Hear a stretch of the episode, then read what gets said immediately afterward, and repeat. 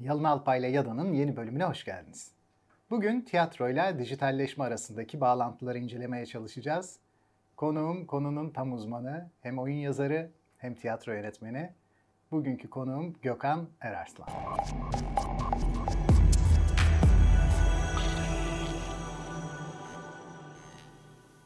Gökhan hoş geldin. Hoş bulduk Yalın. Nasılsın? İyiyim sağ ol. Sen nasılsın? Ben de çok iyiyim. Gökhan sen Gestus Tiyatro'nun kurucularından bir tanesisin. 2018 yılında kurdunuz. Bir atölye olarak da hizmet veriyorsunuz. Aynı zamanda oyunlar sahneye koyuyorsunuz.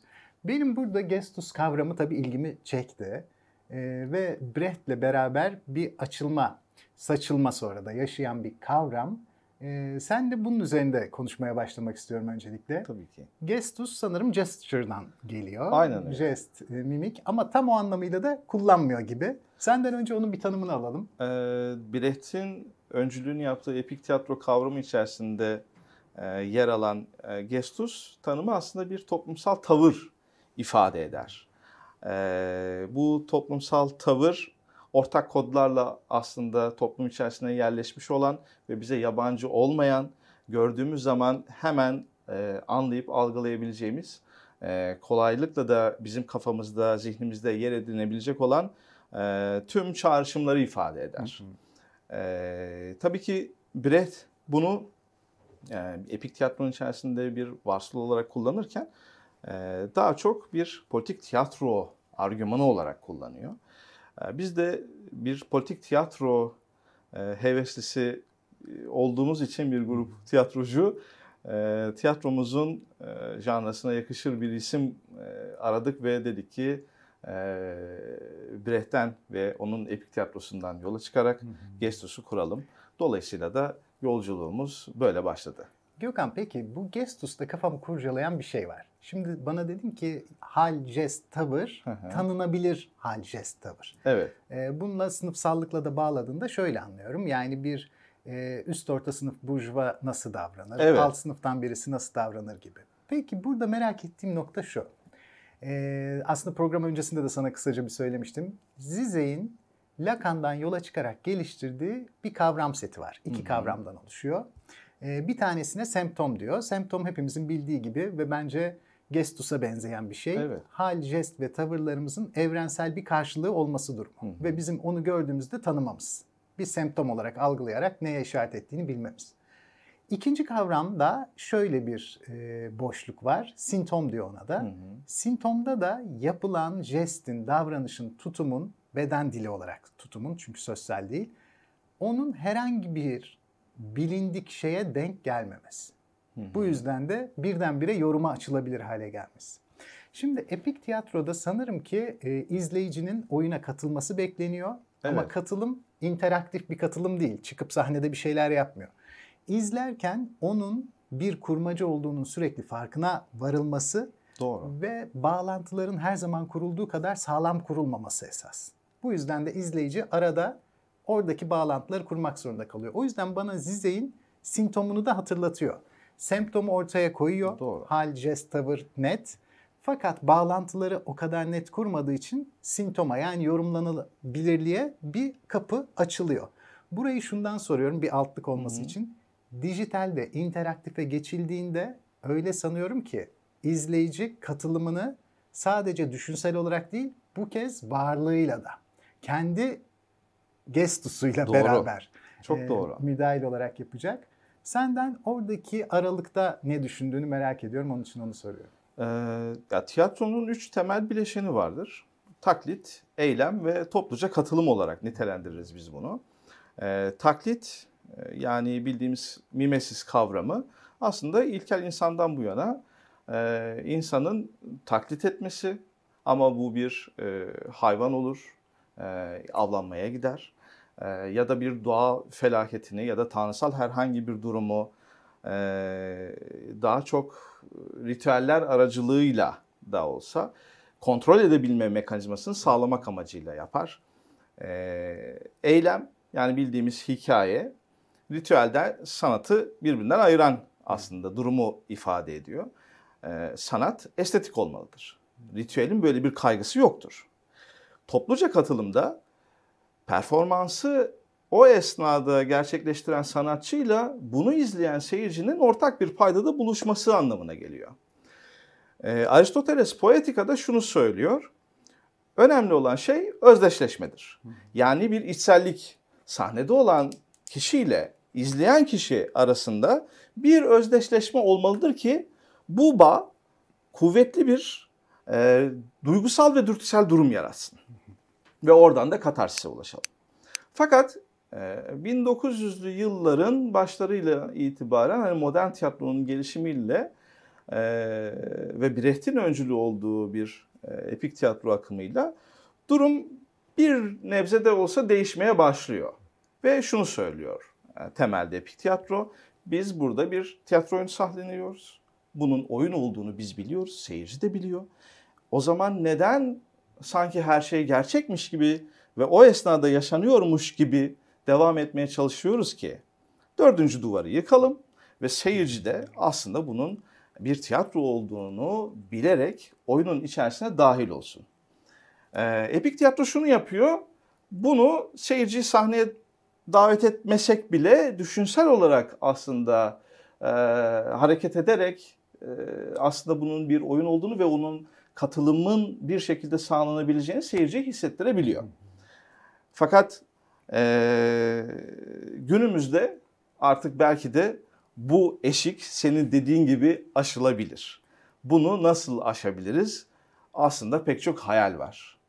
Ee, bunlar da bize o dijitalleşmeyle beraber gelen bir durumla önümüze çıkıyor. Söylediklerinden şöyle bir şey aklıma geldi. Hı hı. Özellikle şu özdeşleşmede bir kafam karıştı. Evet. Ee, özdeşleşmede anlattığın anlamda sanırım Aristoteles tiyatrosunda özdeşleşme önemliyken Brecht'te özdeşleşme o kadar önemli değil değil mi? Özdeşleşmeyi bozmaya çalışıyor. O bozmaya Anladığım çalışıyor. kadarıyla söylediğinden. Kesinlikle. Şimdi kafamın karıştığı yer şurası. Dijitalliğe geçerken Brecht'in açtığı kapıdan izleyici oyunun içine müdahil olacak.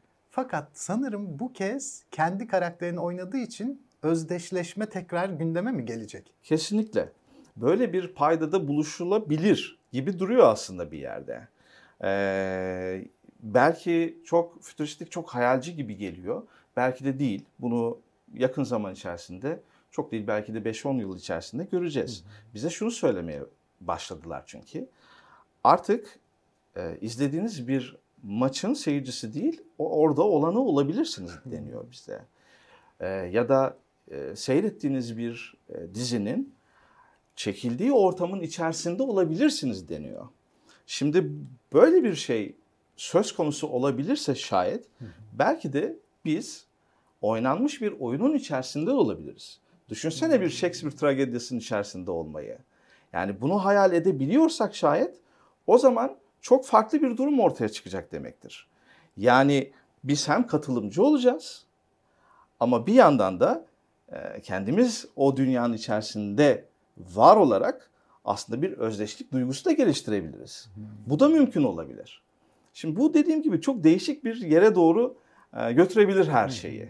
Ucu açık ve sınırsız gibi de duruyor bir yandan. Evet, sınırsız Bu korkutuyor da. Beni aslında korkutuyor bir yerde. Fakat e, belki bilinmeyen bir şey olduğu için korkuyor olabilirim. E, fakat heyecan da veriyor. Gökhan o zaman saçmalamayı göze alarak sana bir şey soracağım. Estağfurullah ne demek? Şimdi ifade etmesi de zor ve ilk duyulduğunda biraz kulağa saçma da geliyor söyleyeceğim şey. Ama biraz daha üzerinde düşünüldüğünde düşünceyi düşünceyle üstesinden gelinebilecek bir şey olarak pozisyonlayabilir. Şimdi şöyle bir şey düşünüyorum son zamanlarda. Hiç kimsenin olmadığı bir yerde, hiçbir böcek yok, hayvan yok, insan yok. Bir ağaç devrilse, bu ağacın bir ses üretmesi, devrilirken ses üretmesi mümkün müdür değil midir? Şimdi ilk başta saçma geldiğini biliyorum. Fakat sonradan şöyle bir şeye işaret ettiğini düşünmeye başladığım için mantıklı geliyor. Sesin bizim pozitivist alıştığımız aydınlanmacı dünyada biz yokken de var olması kesindir diye bir algımız var ve bu ön kabul bizi her şeyin içine bu varsayımla sokuyor. Doğru. Şimdi ben de şöyle düşünmeye başladım son dönemde. Ses kendi başına bir şey değil. Anca bir hayvanın ya da insanın duyusunun zihniyle yaptığı etkileşim sonucu ortaya çıkan yani insan bedeninin ya da hayvan bedeninin ona dahil olmasını gerektiren bir süreç. Ağaç devrildiğinde orada bir dalgalar oluşuyor ama buna ses diyemeyiz. Çünkü ses olması için benim kulağıma ve sonradan benim ona katılımcı bir şekilde yorumlamama veya duyum eşiğimle çarpışmasına ihtiyaç var. Peki görüntü illa eklemlenmeli mi? Ya eklemlenmeli mi? Şunu soracaktım sana. Eğer bu varsayım okey olabilirse izleyicinin tiyatroyla eklemlenmesinde ilk eklemlenme bambaşka, ikinci eklemlenme bambaşka diyecektim. Kesinlikle. Ağacın yani ağaç yıkıldığında ses çıkarıp çıkarmamasını tiyatro oyununa bağlayacaktım. Evet. Tiyatro oyunu orada. İzleyici olmadığı zaman tiyatro oyunu var mı yok mu birinci mesele. Hı hı. Çünkü biraz önce bana içeride bunu anıştıracak bir şey söylemiştin. Ee, ki Aristoteles'in de sanırım sınıflandırmasında var. İzleyici yoksa performans Aslında yok gibi. yoktur. Bunda izleyici var ama izleyici kendi rolünden çıkıyor. Duyulacak şey ses olmaktan çıkacak diye düşünüyorum. Hı hı. İzleyiciye bu sefer mikro bir kulaklık mı verdik ya da teknolojiyle kulağa çok daha yüksek frekansları ve düşük frekansları da duyar hale mi geldi? Hı hı. Bizim için ses olmayan bazı şeyler teknolojik eklentiyle sese dönüşecek. Tiyatroda da izleyicinin rolü teknolojik bu girdiyle öyle sanıyorum ki katılımını başkalaştıracağı için ortaya çıkacak ses yani tiyatro oyununun kendisi de değişecek. Değişecek. Peki iki tane görüş olduğunu söylemiştim bana Evet. bu konuda. Bu bağlamda nasıl yorumlayabiliriz? Sence değişimi öngörebilir miyiz? İkincisi bu değişimi ister miyiz?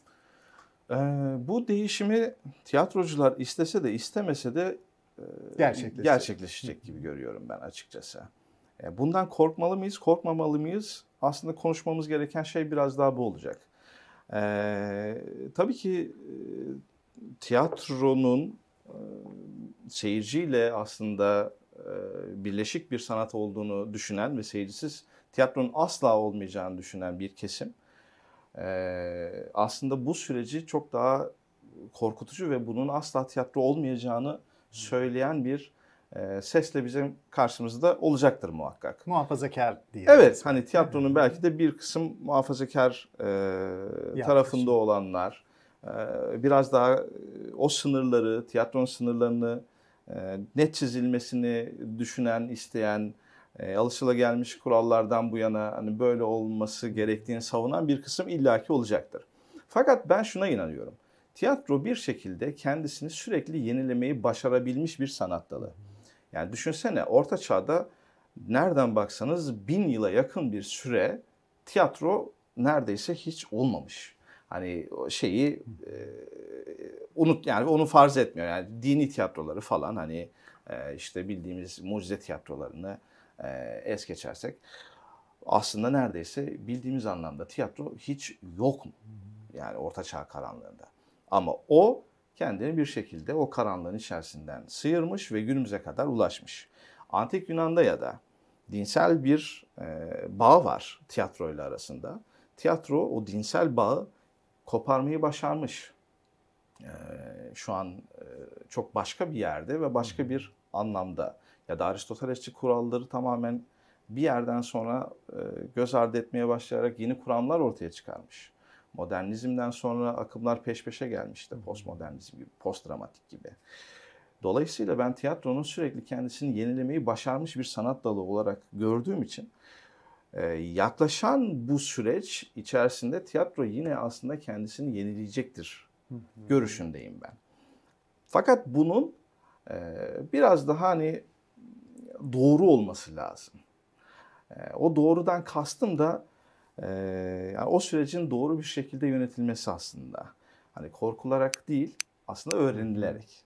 Hani olması gereken biraz daha bu. Biraz sana görev düşüyor. Oyun yazarı Evet. ve yönetmen olarak aslında senin elindeki yetkiler alınıyor biraz da değil mi? Biraz da kesinlikle Hem öyle. yetkilerin alınıyor hem de bu yetki devrini gönüllü olarak yapıyorsun. Yolunu da aslında yazar ve yönetmen açıyor zorunlu Kesinlikle. olarak. Peki Gökhan sence yazım dinamiklerinde Hı hı. ve yönetim dinamiklerinde daha önce varlığını bilmediğin izleyicinin orada ne yapacağını da bilmediğin için senin yazım ve yönetim araçların içinde otoriteni sarsacak, bazı boşluklar yaratacak bir mekanizma işin içine giriyor. Doğru. Yönetmen orada peki oyun yazarı ve yönetmen olarak refleks verecek mi yoksa doğaçlama olarak oyuncular mı halledecek? Belki de onu süreç içerisinde hep beraber görmeliyiz. Yani e, bu işi icra eden oyuncusuyla, yönetmeliyle, tasarımcısıyla e, ve izleyicisiyle bu süreci ve bu deneyimi hep beraber yaşamalıyız. E, ve neyin olduğunu ya da neyin olmadığını ya da neyin olamayacağını ya da neyin olabileceğini ileride e, beraber öngörmeliyiz. Çünkü hepimiz için aslında biraz daha e, bilmediğimiz ve apayrı bir dünyadan bahsediyoruz. Ee, özellikle hani son dönemlerde bahsedilen bu artırılmış gerçeklikle ya da e, Web 3.0'la hani çok başka bir yere doğru gidecekse şayet e, tiyatronun e, o kendi kalıpları içerisinde bir yerde sıkışıp kalarak devam etmesi çok olası gibi gelmiyor bana. Hani o zaman ne olur? Çok nostaljik bir sanat dalı olarak kalır. Yani o da hani e, meraklısına ancak hitap eder. Hı hı. Fakat tiyatro e, sadece meraklısı için değil aslında e, bütün toplumlar için var olan Doğru. bir sanat dalı.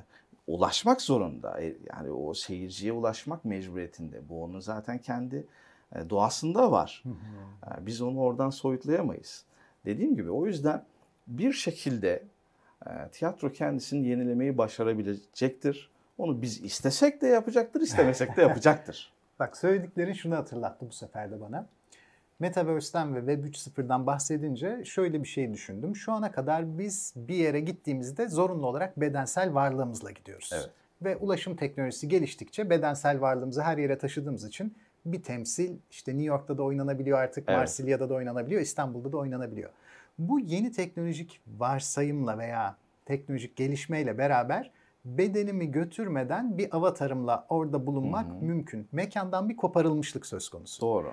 Tiyatro bende hep mekandan koparılmışlık hissi yaratıyor. Çünkü onun dekorları hiçbir zaman sinemanınki gibi birebir değil. Her zaman temsili. Hı hı. Ve mekandan bizi hep kopartıyor. Yani Hamlet oynanırken bile biz Danimarka'da olduğumuzu düşünmüyoruz. Evet. Tiyatro izlerken. Ve ona dair göstergeler de bulunmuyor.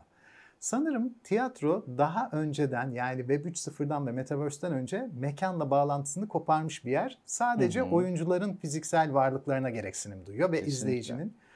Bu kez onların da bedensel varlıkları şart değil. Peki bir araya gelecekleri yer nasıl bir yer olacak? Yani sence hı hı. yine bir sahne sanatı olarak bir sahnede mi devam edecek? Yoksa artık bambaşka yersiz o koparılmışlığın hı hı. sadece dekorla değil sahnenin kendisiyle ve izleyicilerin koltuklarıyla beraber, oyuncularla beraber askıya alınacağı bir süreç mi olacak? Şöyle düşün. Ee, istenirse sokakta tiyatro yapılabilir mi? Yapılabilir. Hı hı. Bir depoda yapılabilir mi? Yapılabilir. Ee, istenirse şayet bir otelde dönüştürülebilir bir mekanda yapılabilir mi? Yapılabilir. Çerçeve sahnede de İtalyan sahnede dediğim sahnede de yapılabilir. Ee, ne bileyim bir atölyede de yapılabilir. İstenilen her yerde tiyatro bir şekilde yapılabilir. Bence burada e, tiyatronun e, seyirciyle buluşturacak olan en önemli nüvesi yine hikaye olacaktır. Biz orada hangi hikayeyi takip edeceğiz? Seyirci zamandan ve mekandan bağımsız olarak e, takip etmek istediği bir hikayenin peşinden koşar. Çünkü bizim için en önemli şey merak unsurudur. Biz merak ettiğimiz herhangi bir şeyi okuruz. Yani merak ettiğimiz herhangi bir şeyi dinleriz, izleriz. Ee, dolayısıyla orada önemli olan şey o dünyanın sunduğu hikaye ne olacak bize? Çünkü güzel bir hikaye mutlaka ki peşinden koşturur. Şahsen ben koşarım. Yani bir tiyatro yapıcı olarak değil, bir tiyatro seyircisi olarak da koşarım aslında. Çünkü orada ne yapılacak? Bana ne anlatılacak? Ne aktarılacak? Onu merak ettiğim için gider koşarım. Şöyle düşün, e, hepimiz e, tiyatro içerisinde bulunan bütün insanlar ömrünün bir yerinde Hamlet izlemiştir. Başka birisi oynadığı zaman o Hamlet'i ama ben daha önce bu Hamlet'i izlemiştim falan demeyiz. Bu sefer gidip onun Hamlet'ini izleriz. Aradan zaman geçer. Sonra başka birilerinin Hamlet'ini izleriz. Şimdi ben bir tiyatro seyircisi olarak bambaşka bir Hamlet izleme e, vaadiyle e, karşılaşırsam elbette ki onun da peşinden giderim. Çünkü dediğim gibi önemli olan şey benim e, o Hamlet'in nasıl sahneleneceği beni oraya taşıyan şey bir bildiğim hikaye, iki bildiğim hikayenin nasıl bana bu sefer aktarılacağı e, Çok iyi. olacaktır. Doğru. Hatta bir üçüncü deneyimleme farkı Deneyimleme farkı kesinlikle. Çünkü şey de diyebiliriz. Öykü dediğimiz şey genellikle deneyimlerimizin dile çevrilebilir hali. Ama aslında bir çeviri olamıyor değil mi? Mutabakat oluşmuyor. Evet evet. Ee, bizim deneyimimiz bambaşka. Çok fazla milyarlarca veri var o deneyimin içinde. İki saniyelik bir deneyimde bile odanın bütün yüzeyi, dış dış yüzey, Aynen benim öyle. işte ruh halim, her şey milyarlarca. Ama öykülemeye geçtiğim andan itibaren odanın içine girmiştim. Birazcık asabım bozuktu. Evet. Bu bunu karşılıyor mu? Karşılamıyor. O yüzden muazzam bir olasılıklar dünyası açılıyor önümüzde. Bu deneyimin milyarlarca kez farklı şekilde öyküleştirilebileceği bir alan. Alan evet. Bir de izleyici bunun içine deneyimi öykü sırasında öyküye müdahale edebildiği için onu milyonlarca anlatılabilecek, yeni yorumlara açılabilecek şekilde kendisinde de duyum sayınca Evet. öykünün değişimi, deneyimin değişimi bir araya geliyor. O zaman şöyle kapatabiliriz yani sanırım. Tiyatro bize çok daha zengin bir geri dönüş yapacak. Kesinlikle öyle. Zaten hani modern tiyatro e, inşa edilirken hani şunu e, görüyoruz. E, artık metinler yeniden yorumlanabilir. E, bu söylemle aslında ortaya çıkmıştı e, 1900'lü yılların başlarından itibaren. Şimdi artık biz 2000'li yıllardan itibaren başka bir yorumlamanın eşiğindeyiz. E, o o yüzyılda idi. Şimdi başka bir çağdayız. Dolayısıyla biz yeni bir yorumla, yeni bir estetikle e, bildiğimiz bütün hikayeleri farklı bir düzlemle görebiliriz, anlatabiliriz, aktarabiliriz ve dinleyebiliriz. Gökhan ağzına sağlık. Çok güzel bir programdı. Çok tatmin oldum. Çok yani. teşekkür ederim. Yeni şeyler öğrendim sayende. Çok güzeldi hakikaten. Teşekkürler. Ben teşekkür bir ediyorum. daha seni ağırlamak isterim. Tabii ki. Bu sefer yönetmenliğin böyle ince dehlizlerinde gezindirirsin bizi. Olur. Çok zevkli olur. Bugün Gökhan Erarslan'la beraberdik. Oyun yazarı ve tiyatro yönetmeni. Önümüzdeki bölümde yine başka bir konu, başka bir konuk birlikte olacağız.